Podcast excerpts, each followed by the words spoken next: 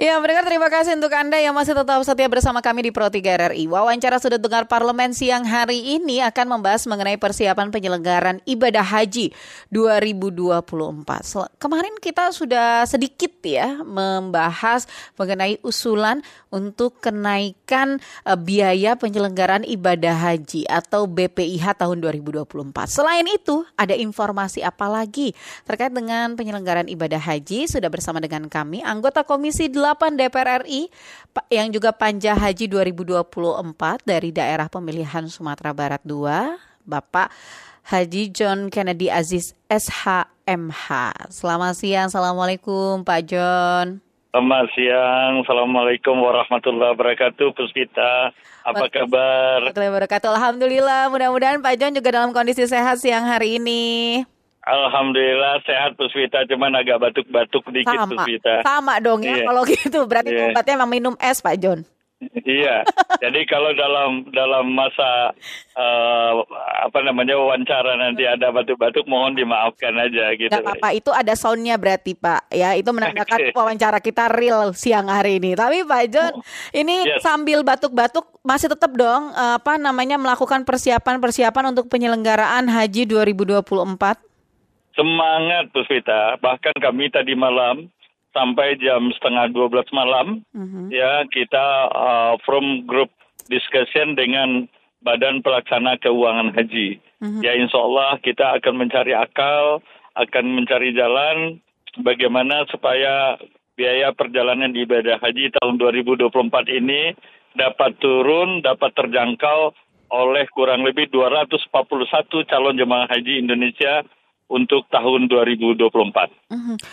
Pak John, persiapannya punya waktu berapa lama sih? Kalau tidak salah kan tahun depan berarti akan lebih maju ya waktu penyelenggaraan ibadah haji ya ketimbang 2023 kemarin kan ya? Menurut informasi yang saya dapat, kita mulai berangkat itu tanggal 12 Mei 2024. Kloter pertama itu 12 Mei sampai kloter terakhir itu kalau nggak salah 12 Juni 2024. Kurang lebihnya seperti itu oh, gitu loh. Okay. Jadi kita masih ada persiapan sekitar empat bulan lebih untuk mempersiapkan uh, uh, perjalanan ibadah haji 2024 ini. Sejauh ini Pak John yang jadi apa ya namanya yang jadi fokus uh, utama persiapan untuk penyelenggaraan haji 2024 dari Panja itu apa saja sih Pak John?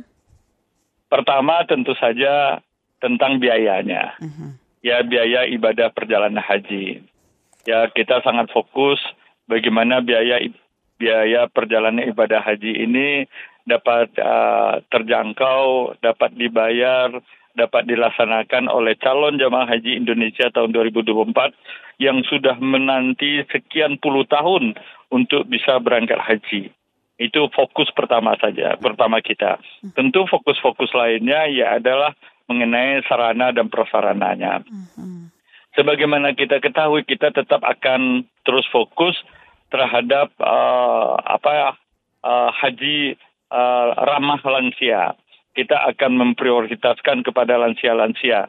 Tetapi yang kita inginkan, yang kita sarankan kepada pemerintah adalah lansia-lansia yang mandiri, ya lansia yang mandiri kita nggak patok umurnya walaupun dia umur 110 tahun hmm. atau 105 tahun tetapi kalau dia mandiri kenapa tidak gitu loh hmm. nah ini yang kita kita kita uh, apa namanya yang kita fokuskan kalau toh misalnya ada lansia tidak mandiri tetapi kalau seumpamanya ada pendampingnya pendamping misalnya anak kandungnya atau hmm. suaminya atau istri atau apanya yang yang apa yang bisa membantu daripada calon jamaah haji itu kenapa tidak gitu kan ya ini yang kita juga harus harus uh, perhatikan hmm.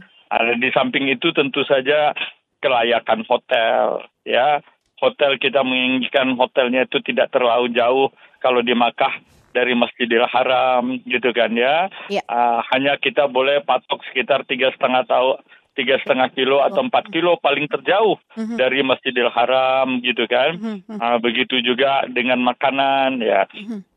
Pengalaman haji di tahun 2023 itu sangat menarik perhatian kita dan kita berharap itu tidak akan terjadi lagi di masa haji di tahun 2024. Sebagaimana kita ketahui pengalaman haji 2023 ada yang dikata kita katakan tragedi Musdalifah gitu kan ya. Mm-hmm. Ya uh, jamaah haji sampai terlantar uh, sampai jam 2 atau jam setengah tiga siang di Musdalifah. Ya, Anda tahu Musdalifah itu pada waktu itu ya. sangat panas, Betul. 46 derajat Celcius, 47 derajat Celcius, tidak ada makanan, tidak ada minuman karena uh, terbentur kepada uh, masalah transportasi atau penjemputan uh, jemaah haji. Itu yang apa? Oke. Okay. Nah, jadi berdasarkan itu semua sejauh ini obrolan-obrolan uh, atau pembahasan-pembahasan yang sudah dilakukan ini Pak John, ini ada menemukan kendala tidak? Kalau ada kendalanya di mana? Ya, kendala yang pertama adalah Uh, kalau saya melihat kalau satu mengenai biaya ya hmm. kita bicara fokus mengenai biaya. Ya. Hmm, hmm, kalau mengenai biaya ini menurut hemat saya tidak ada kendalanya. Ya, kalau toh dapat dikatakan kendala adalah perbedaan antara kurs rupiah terhadap US dollar di tahun dari di 2023 2024. Memang ada kenaikan. Pada waktu di 2023 kurs rupiah terhadap dolar itu kita patok 15.000 uh, puluh rupiah. Sekarang kan kurs uh, rupiah terhadap US dollar itu kan naik menjadi 15.750 sampai 15.800. Hmm. Ini jelas kendala. Kendalanya apa? Ini akan mengakibatkan uh, menjadi naiknya uh, uh, ongkos haji itu. Karena apa? 60 persen, 70 persen pembayaran haji itu adalah memakai uh, kurs dolar. Itu kendalanya. Gitu. Tetapi yang lain-lain tidak ada kendalanya.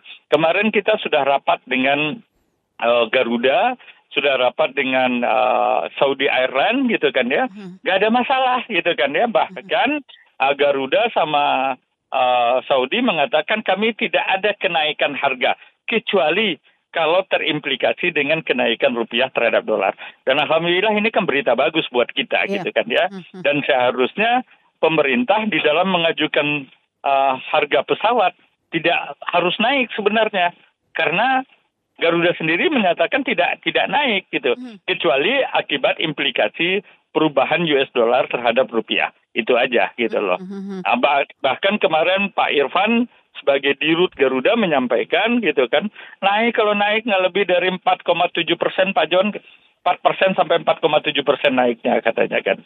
Wah ini alhamdulillah ini kan berita besar, berita baik buat kita gitu ya. Nah, sebab apa?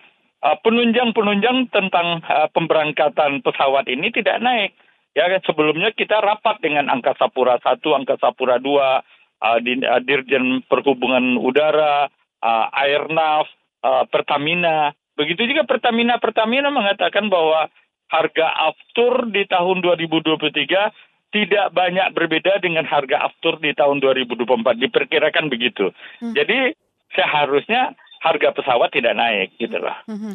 Oke, nah berarti Pak kalau hitung-hitungannya DPR harusnya masih bisa lebih apa uh, turun dong harganya dar atau biaya penyelenggaraan ibadah haji dari usulan Kementerian Agama kemarin? Jauh, kami berharap jauh. Kami akan akan mengupayakan semaksimal yang kami bisa lakukan uh, harga harga harga B, harga BPH itu nanti harga biaya perjalanan ibadah haji itu hmm. turun dari 105 juta yang diusulkan oleh pemerintah.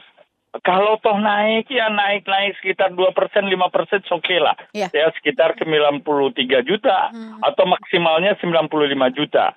Nah, itu yang kita harapkan. Hmm, okay. nah, terus yang kedua hmm. juga lah karena menyangkut biaya perjalanan ibadah haji ini kan ada dua ada dua komponen. Hmm. Pertama komponen pertamanya kan dibayar oleh calon jamaah yeah. haji itu sendiri. Yeah. Itu yang disebut BP, gitu kan ya. Yeah. Yang kedua, subsidi yang dilakukan oleh BPKH, gitu kan ya. Hmm. Nah, kita tetap mempertahankan uh, tradisi subsidi uh, oleh BPKH ini seperti yang biasa-biasa seperti yang biasa-biasa apa? 40. Subsidinya itu 4555 ya. ya. atau 4060, uh. 4555 lah. Uh. Kita bertahan. Di tahun 2023 4555. Ya. Di tahun 2022 4555. Nah, ini yang kita kita ini. Makanya uh, saya mohon uh, Puspita doanya Amin. juga masyarakat Indonesia ya mudah-mudahan ya kami bisa uh, bekerja baik ya bisa memperjuangkan uh, biaya perjalanan ibadah haji ini semaksimal mungkin yang kami bisa dan terjangkau uh-huh. oleh masyarakat Indonesia. Karena kami tahu bahwa uh, haji reguler itu adalah masyarakat uh-huh. uh, yang berpenghasilan bawah-bawah uh-huh. kuli panggul yang seribu dua ribu mengumpulkan uangnya gitu kan ya. Uh-huh. Pedagang UMKM yang mengumpulkan sepuluh ribu dua puluh ribu untuk me, apa menabung untuk supaya menghadap Baitullah. Uh-huh. Bahkan ada pensiunan-pensiunan, bahkan ada orang yang menjual tanah, ya menjual tanah, menjual rumah supaya bisa berhaji. Hmm. Ini yang kami perjuangkan. Puspita. Iya, ini kayaknya Pak John uh, dapat dukungan doa ini dari semua rakyat ini. Amin ya Allah, amin, amin, amin ya Rabbal alamin. Mudah-mudahan Puspita. Ya, saya kita nating tulus Puspita, ya. kita bergerak untuk rakyat ya. Kita uh, lakukan semaksimal yang kami bisa dan kami alhamdulillahnya kami kompak gitu kan ya Komisi 8 kompak termasuk pimpinan panja, pimpinan komisi semuanya kita kompak. Okay. Ya kita kita kita artinya sama-sama mencari solusi, okay. mencari formulasi yang paling tepat uh, supaya jemaah haji uh, di Indonesia, calon jemaah haji Indonesia tahun 2024 bisa berangkat semua bisa bayar semua gitu Amin. loh ya. Pak John, ini kan uh, tanggal keberangkatan tadi estimasi estimasinya kan awalnya 12 Mei.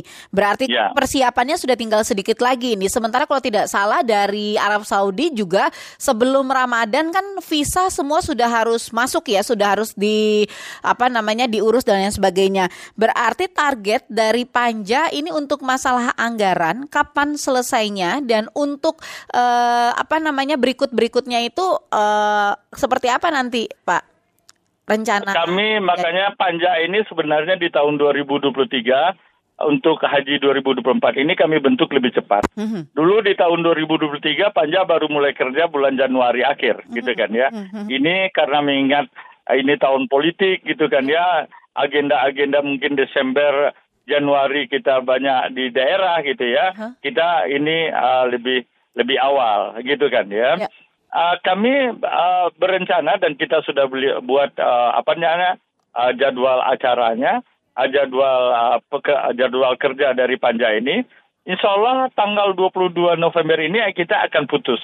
Kita akan selesaikan Panja ini. Supaya apa? Supaya masyarakat uh, apa namanya supaya calon jemaah haji bisa mempersiapkan dirinya lebih awal untuk melakukan pembayaran-pembayaran bahkan mungkin untuk mencicil gitu kan ya mungkin nggak bisa sekaligus ya. uh, si uh, apa uh, sisanya itu mungkin dibayar dulu 5 juta 10 juta atau berapa juta gitu kan ya uh-huh. sehingga pada hari hanya nanti dia sudah bisa melunasi seluruh itu skema itu yang akan kami juga siapkan gitu loh ya supaya uh-huh. supaya uh, apa uh, calon jamaah haji itu terbantu dia merasa diringankan gitu loh ya uh. nah, makanya kami bentuk lebih awal-awal gitu uh. mudah-mudahan aja kita antara pemerintah dengan DPR bersepakat ya sepakat karena kita sudah tentukan tanggal 22 itu dan tidak ada lagi artinya uh, apa namanya eh, hal-hal uh, yang harus kita bicarakan gitu kan ya. Uh-huh. Kita sangat berharap tanggal 22 itu sudah bisa uh, ditentukan uh, tentang berapa harganya dan sudah kita putuskan. Uh, dan kemudian uh, jemaah calon jemaah sudah bisa Siap. Uh, membuat suatu sikap apakah akan melakukan pelunasan atau tidak gitu lah ya. Oke, Pak gitu lah, itu nanti ya. dalam apa namanya dalam pembahasan antara DPR dan pemerintah ini juga dibahas soal rencana pemerintah uh, soal desain ulang penyelenggaraan ibadah haji tidak. Kalau tidak salah kan beberapa waktu yang lalu Pak Hilman Latif sempat mengungkapkan nih kalau bisa ada kalau memungkinkan uh, katanya sih ada rencana masa tinggal jemaah haji di tanah suci ini akan dipangkas jadi lebih singkat karena mungkin kan kuota kita akan tambah ya begitu ya di tahun 2024. Kalau dari DPR sendiri hal-hal semacam itu nanti juga akan dibahas bagaimana tanggapannya, Pak John? Justru itu usulan kami, oh. uh, Puspita ya. Uh-huh. Durasi tentang haji itu uh-huh. dipersingkat itu usulan kami. Oh. Usulan kami itu adalah berdasarkan aspirasi dari jemaah haji, jemaah haji. Mm-hmm. Sebagaimana kita ketahui kan jemaah haji sebelumnya itu kan waktunya 40 hari. Mm-hmm. Terlalu lama gitu kan ya. Mm-hmm. Pertama mengakibatkan ya, karena panas karena cuaca banyak artinya jemaah haji yang akhir-akhir itu tuh menjadi menjadi sakit dan lain sebagainya macamnya. Mm-hmm. Terus yang keduanya adalah juga bisa memangkas harga harga Ya. harga biaya perjalanan ya. ibadah haji itu menjadi menjadi apa namanya menjadi eh, lebih ringan kan begitu kan ya. Ya. Hmm. Kalau lebih pasnya ya lebih pasnya kita bandingkan artinya semua semua jamaah haji itu dapat mem- menikmati fasilitas tentang haji. Pertama tentu saja uh, tentang arba'in di uh, masjid di Masjid Nabawi. Itu harus ada gitu kan ya. Uh, terus kemudian persiapan ke Harmusna, Arafah, Musdalifah dan Mina gitu kan ya. Tentu persiapan pulang-pulang lainnya. 30 hari itu sudah sangat baik gitu kan ya. Itu saran kepada saran kami kepada kepada pemerintah.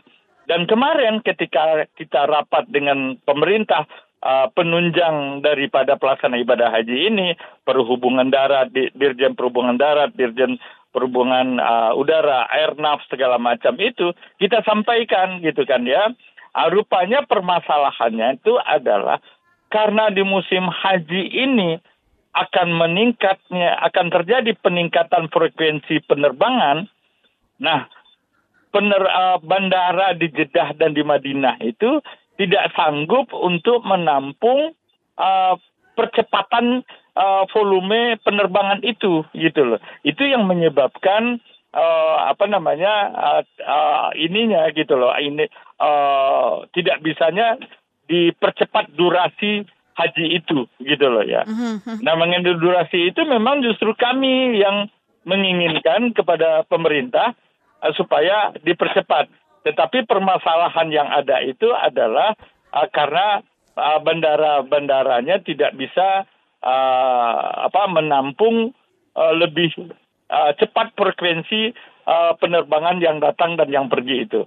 Bahkan kami untuk mengatasi itu, kami cari alternatif bandara lain, misalnya Toif gitu kan ya. Iya. Itu bandara Taif itu kan kurang lebih sekitar dua jam dari uh, Mekah gitu kan ya. Kita cari rupanya di Taif tuh hanggarnya yang tidak memungkinkan gitu kan ya. Iya. Hanggarnya yang tidak ada bandara Kosim tapi bandara Kosim terlalu jauh dan juga hang- hanggarnya juga tidak tidak memungkinkan.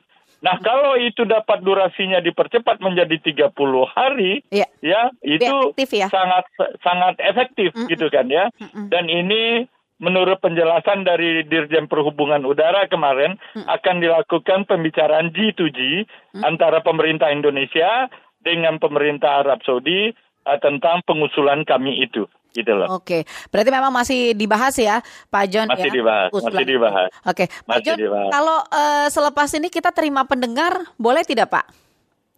Boleh, Eh, Boleh, ya, kita ngobrol-ngobrol Ya. dengan pendengar Pro 3 ya, Pak John. Tapi kita Ya, boleh. sejenak. Berapa menit? Berapa menit kira-kira ada? Ada. Ya, sebentar lah, sekitar lima menit mungkin, Pak John. Siap, Sebentar. siap. Tapi siap, kita siap. jeda dulu sejenak. Jadi Pak John bisa ambil napas dulu, takutnya ntar batuk-batuk ya. Karena dari tadi Siap, sudah siap. sudah ngobrol. Kita jeda dulu sejenak, jangan ke mana-mana. Siap, Dengar, kami masih akan lanjutkan kembali wawancara sudut dengar parlemen kerjasama antara Sekjen DPR RI dan Radio Republik Indonesia. Kami masih membahas mengenai persiapan penyelenggaraan ibadah haji 2024. Tetap bersama kami di Indonesia Menyapa Siang.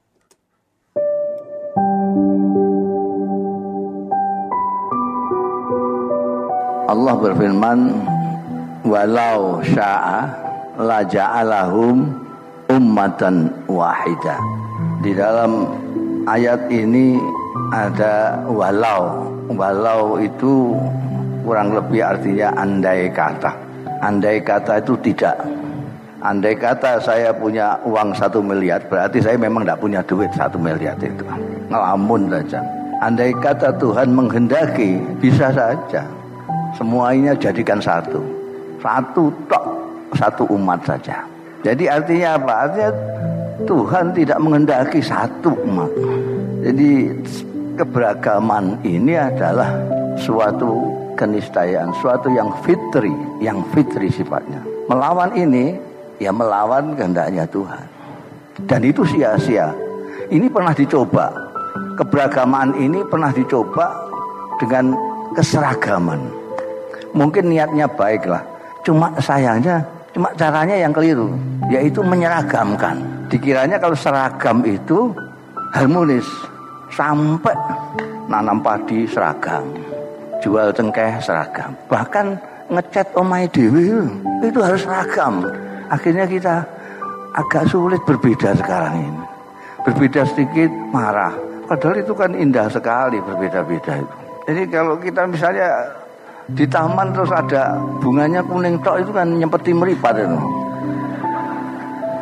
Tapi seninya itu harus merah, kuning, biru, jadi segala macam itu. Sebelum kita sembuh dari cara berpikir yang seragam terus itu tiba-tiba oh, ada perubahan besar reformasi bahasa Arabnya islah islah baik sayangnya islah itu tidak melihat yang mau diperbaiki mana dulu yang baik mana yang tidak baik mana yang ini keburu euforia untuk demokrasi.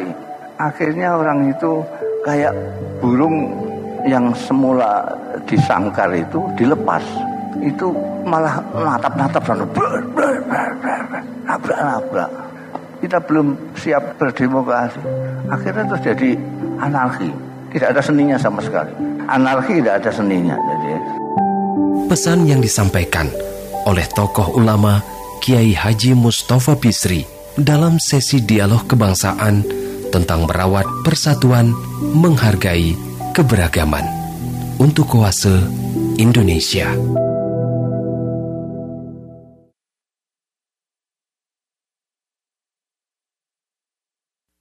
Indonesia menyapa siang.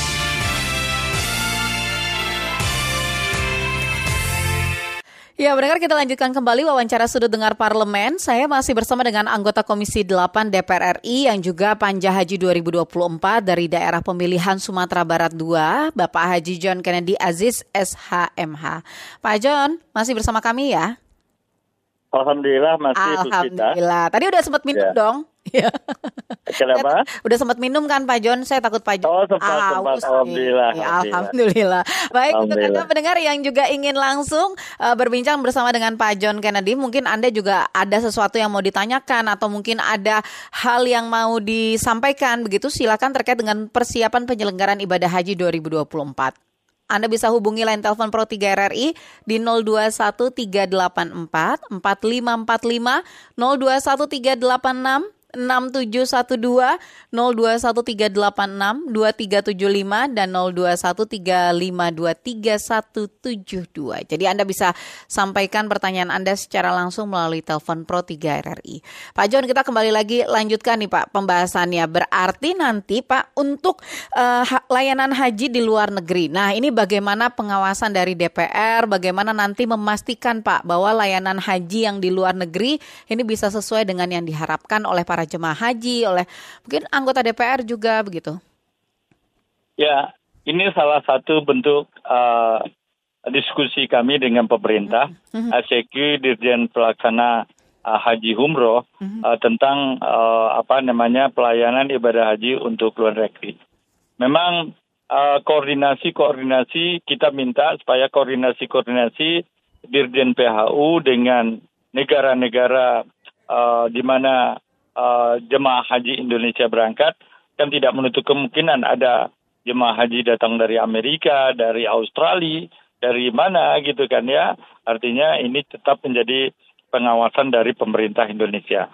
Justru yang lebih sekarang ini yang lebih kita uh, pingin artinya pemerintah itu uh, turun uh, uh, tangan artinya ditingkatkan pengawasannya adalah Rupanya banyak jemaah haji jemaah haji dari Indonesia yang tidak berangkat melalui uh, kuota haji yang sudah ada ini atau melalui pemerintah CQ uh, Dirjen PHU, tetapi dikelola oleh suatu apa? Suatu organisasi mempergunakan uh, visa ziarah, uh, visa ziarah. Uh, nah, visa ziarah ini kemudian ini yang menyebabkan ya tenda tenda-tenda di Mina itu kemudian menjadi over capacity. Ya misalnya katakanlah tenda maktab 50 misalnya kan, ada 100. Nah, jatah dari tenda ini katakanlah dari misalnya dari Kabupaten A, itu yang dia punya. Tapi sebelum ketika Kabupaten A, jemaah haji Kabupaten A masuk ke tenda 50 ini, rupanya sudah diisi sama orang uh, sudah diisi sama orang, orang itu dari Indonesia juga, tetapi bukan dari Kabupaten A, bisa saja dari Jawa Timur atau dari Sulawesi Selatan atau dari mana gitu loh ya. Dia tidak melalui uh, ONH biasa berangkatnya, melalui visa ziarah yang jumlahnya juga banyak gitu loh.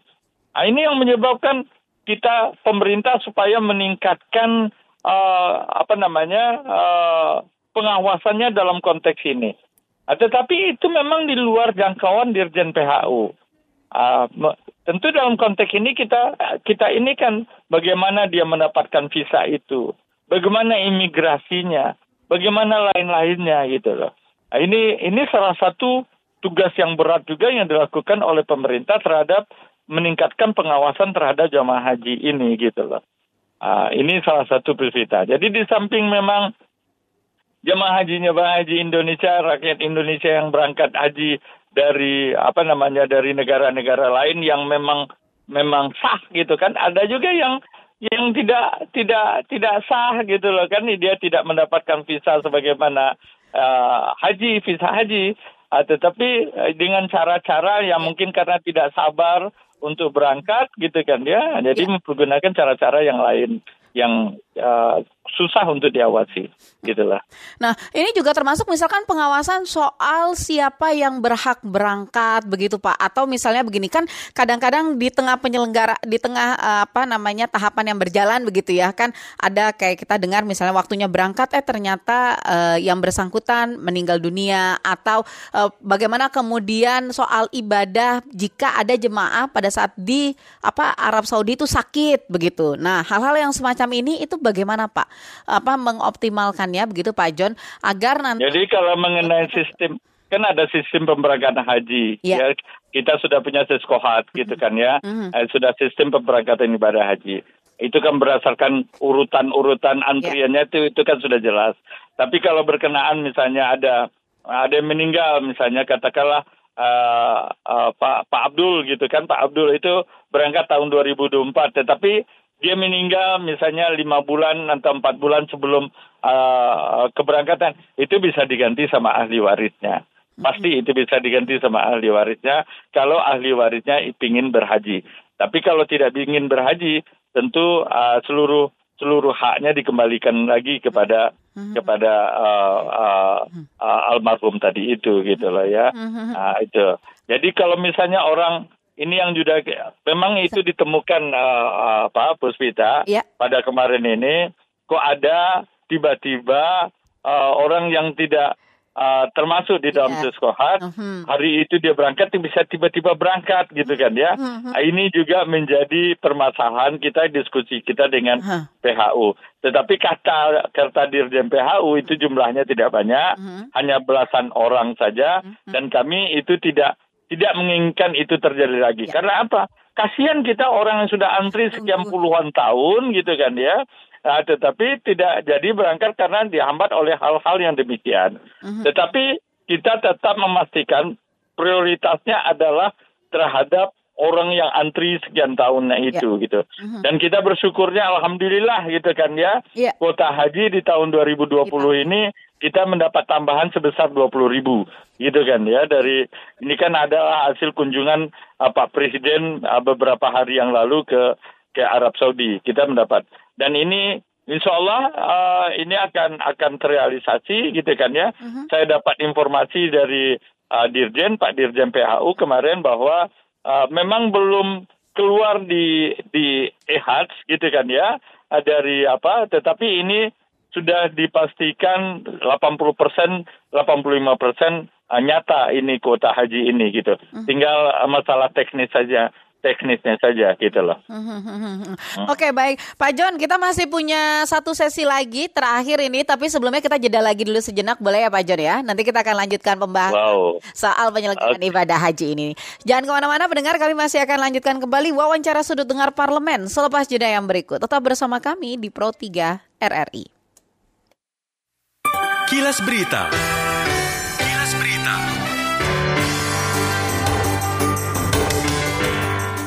Dua pesawat tempur taktis Super Tucano milik TNI Angkatan Udara jatuh di Taman Nasional Tengger Semeru, tepatnya di Desa Kedung, Kecamatan Puspo, Kabupaten Pasuruan, Jawa Timur pada Kamis siang.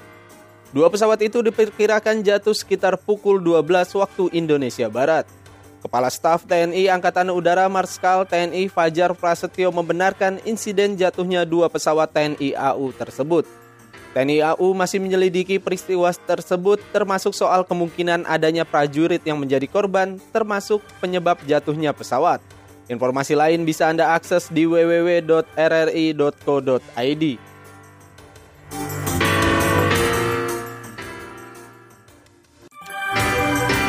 Kilas Berita. Pro 3, Jaringan Berita Nasional.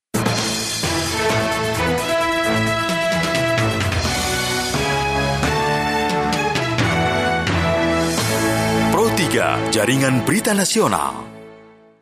Terima kasih untuk Anda pendengar yang masih tetap setia bersama kami di Pro 3 RRI. Kami lanjutkan kembali wawancara sedengar parlemen siang hari ini kerjasama antara Sekjen DPR RI dan Radio Republik Indonesia. Kami masih membahas mengenai persiapan penyelenggaraan ibadah haji 2024. Kuota haji di 2024 akan bertambah begitu dari kota haji sebelumnya di tahun 2023 bagaimana kemudian memastikan pelayanan bagi seluruh anggota jamaah haji atau seluruh jamaah haji yang berada di tanah suci ini bisa optimal dan maksimal? Saya akan lanjutkan pembahasan bersama dengan anggota Komisi 8 DPR RI yang juga Panja Haji 2024 daerah pemilihan Sumatera Barat 2 Bapak Haji John Kennedy Aziz SHMH Pak Haji Pak John kita lanjutkan ke Ya. Pak John ya. Siap. Pak John, ini tadi pertanyaan saya nih Pak John, untuk layak eh, apa namanya eh, bagaimana kemudian memastikan agar semua jemaah haji yang berada di tanah suci baik mereka yang sehat, mereka yang mungkin sakit gitu ya, itu bisa menjalankan ibadah, mendapatkan layanan dengan optimal. Nanti eh, persiapan-persiapannya akan seperti apa Pak John? Termasuk juga misalkan pembimbing ibadah dan lain sebagainya. Ya pertama ya Mhm, di dalam rapat kami dengan rapat panja dengan pemerintah mhm, kita lebih menekankan bagaimana tentang keamanan kenyamanan mhm. sehingga jemaah haji itu kusuk untuk melaksanakan ibadah hajinya di tanah suci ya. Tentu kenyamanan keamanan kusuk itu tidak terlepas dari panitia hajinya. Bagaimana panitia haji itu mengelola mulai dari pemberangkatan mulai dari manasik kemudian berangkat sampai di hotel dapat hotel dengan aman ya kemudian eh, eh, apa namanya bis solawat segala macam bisa berjalan gitu kan ya Mhm. Nah, ini yang menjadi target-target kami di dalam uh, pembahasan uh, perjalanan ibadah haji ini, gitu kan ya. Mhm. Pertama, uh, kami meminta kepada pemerintah, gitu kan ya, Mhm. supaya arti panitia-panitia yang diberangkatkan itu adalah panitia-panitia yang betul-betul bekerja untuk mengurus jamaahnya. Sebagaimana Puspita tahu bahwa kita kan masih tetap uh, tentang uh, dipriorisasi kepada lansia, gitu Ya, kan ya. ya, betul. Nah, lansia yang namanya lansia ini bisa saja sekarang misalnya sehat, ya tiba-tiba kemudian di sana sakit. Ini harus ada penanganan yang lebih yang lebih apa namanya lebih prudent, lebih lebih baik, uh, yang lebih apa namanya lebih terarah terhadap uh, penanganan yang demikian gitu kan ya. Untuk itu uh, Puspita, ya uh, berdasarkan penglihatan kami di lapangan pada waktu jemaah haji pelaksanaan haji 2023 gitu kan ya.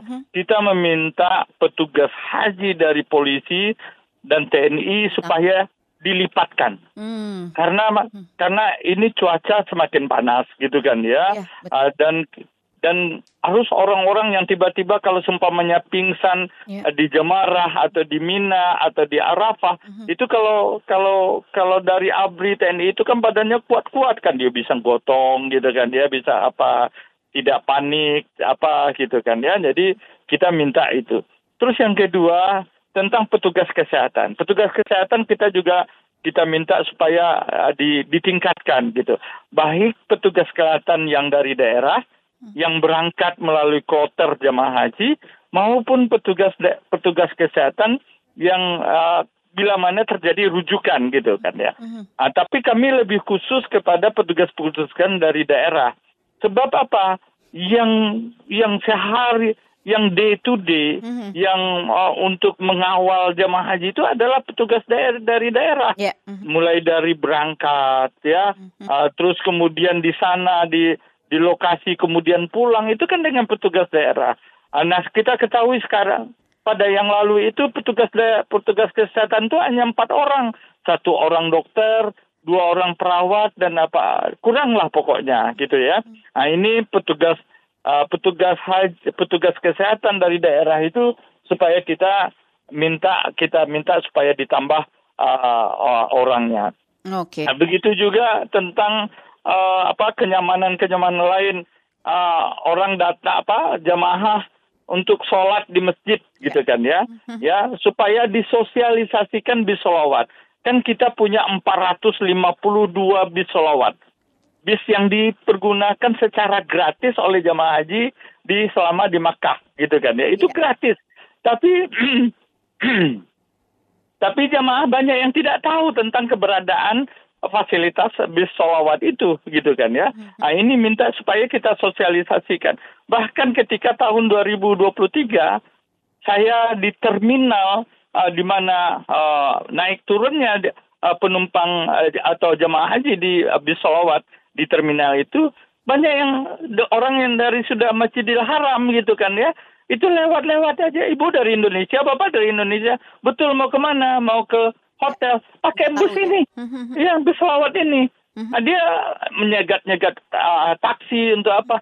Oh ini bus kita pak. Iya betul lihat itu kan ada bendera Indonesia. Ibu, bapak bisa gratis. Nah, saya minta artinya itu disosialisasikan secara baik. Itu 24 jam itu mobil itu. Dan itu gratis. Kita sewa sebanyak 450 unit. Di tahun 2023 itu 450 unit kita sewa untuk berputar-putar terus. Ya. Setiap menit, setiap uh, saat Ya. uh, uh, ada itu bus itu gitu loh ya. Ya. Hmm. Jadi bagaimana sosialisasi tentang fasilitas-fasilitas yang disediakan pemerintah terhadap pelaksanaan ibadah haji ini sehingga sebagaimana yang saya katakan tadi jamaah haji itu aman, nyaman dan bisa khusuk untuk melaksanakan Ya. ibadah hajinya Pusita. Oke, berarti Itu, Pak John Puspita. ditunggu tanggal 22 Pak John ya. Mudah-mudahan ini seperti yang diharapkan tadi Pak John. Apa yang mau disampaikan untuk masyarakat khususnya ini para calon jemaah haji yang sudah menanti waktu keberangkatan mereka eh, di tahun 2024 nanti. Silakan. Tidak banyak yang saya minta selain doa dan dukungan Puspita. Mhm. Saya nangis tuh Puspita. Saya ingin semuanya berangkat dengan ini, Amin, dengan amin. dengan dengan apa namanya dengan terjangkau gitu Puspita. Mhm. Saya tahu kasihan Puspita. Jadi mohon doa, mohon dukungan, mudah-mudahan kami berhasil gitu Puspita. Amin. Kita selalu doakan, kita dukung terus Komisi 8 Pak Panja Haji untuk bekerja eh, semangat begitu ya Pak John ya. Mudah-mudahan nanti eh, di akhir bisa didapatkan hasil yang ini ya tadi diharapkan ya oleh semua masyarakat kita. Pak John terima Siap, kasih siap, siap. sudah ngobrol-ngobrol Siap, dengan siap. kami. Sehat selalu Ya, Pak John. mohon maaf, mohon maaf ya, terima kasih, mohon doa. Ya, mudah-mudahan kita semua sehat, ya dimudahkan, dilancarkan dan dikabulkan Allah Subhanahu wa taala. Terima kasih Puspita, salam hormat. Assalamualaikum. Wassalamualaikum warahmatullahi wabarakatuh. Waalaikumsalam warahmatullahi wabarakatuh. Demikian tadi pendengar anggota Komisi 8 DPR RI yang juga Panja Haji 2024 dari daerah pemilihan Sumatera Barat 2, Bapak Haji John Kennedy Aziz SHMH. Tadi kami sudah berbincang di wawancara sudut dengar parlemen untuk siang hari ini. Jangan ke mana-mana, sesaat lagi saya juga masih akan hadir dengan informasi-informasi terkini dari dunia olahraga dalam dinamika olahraga sore di Pro 3. Tetap bersama kami.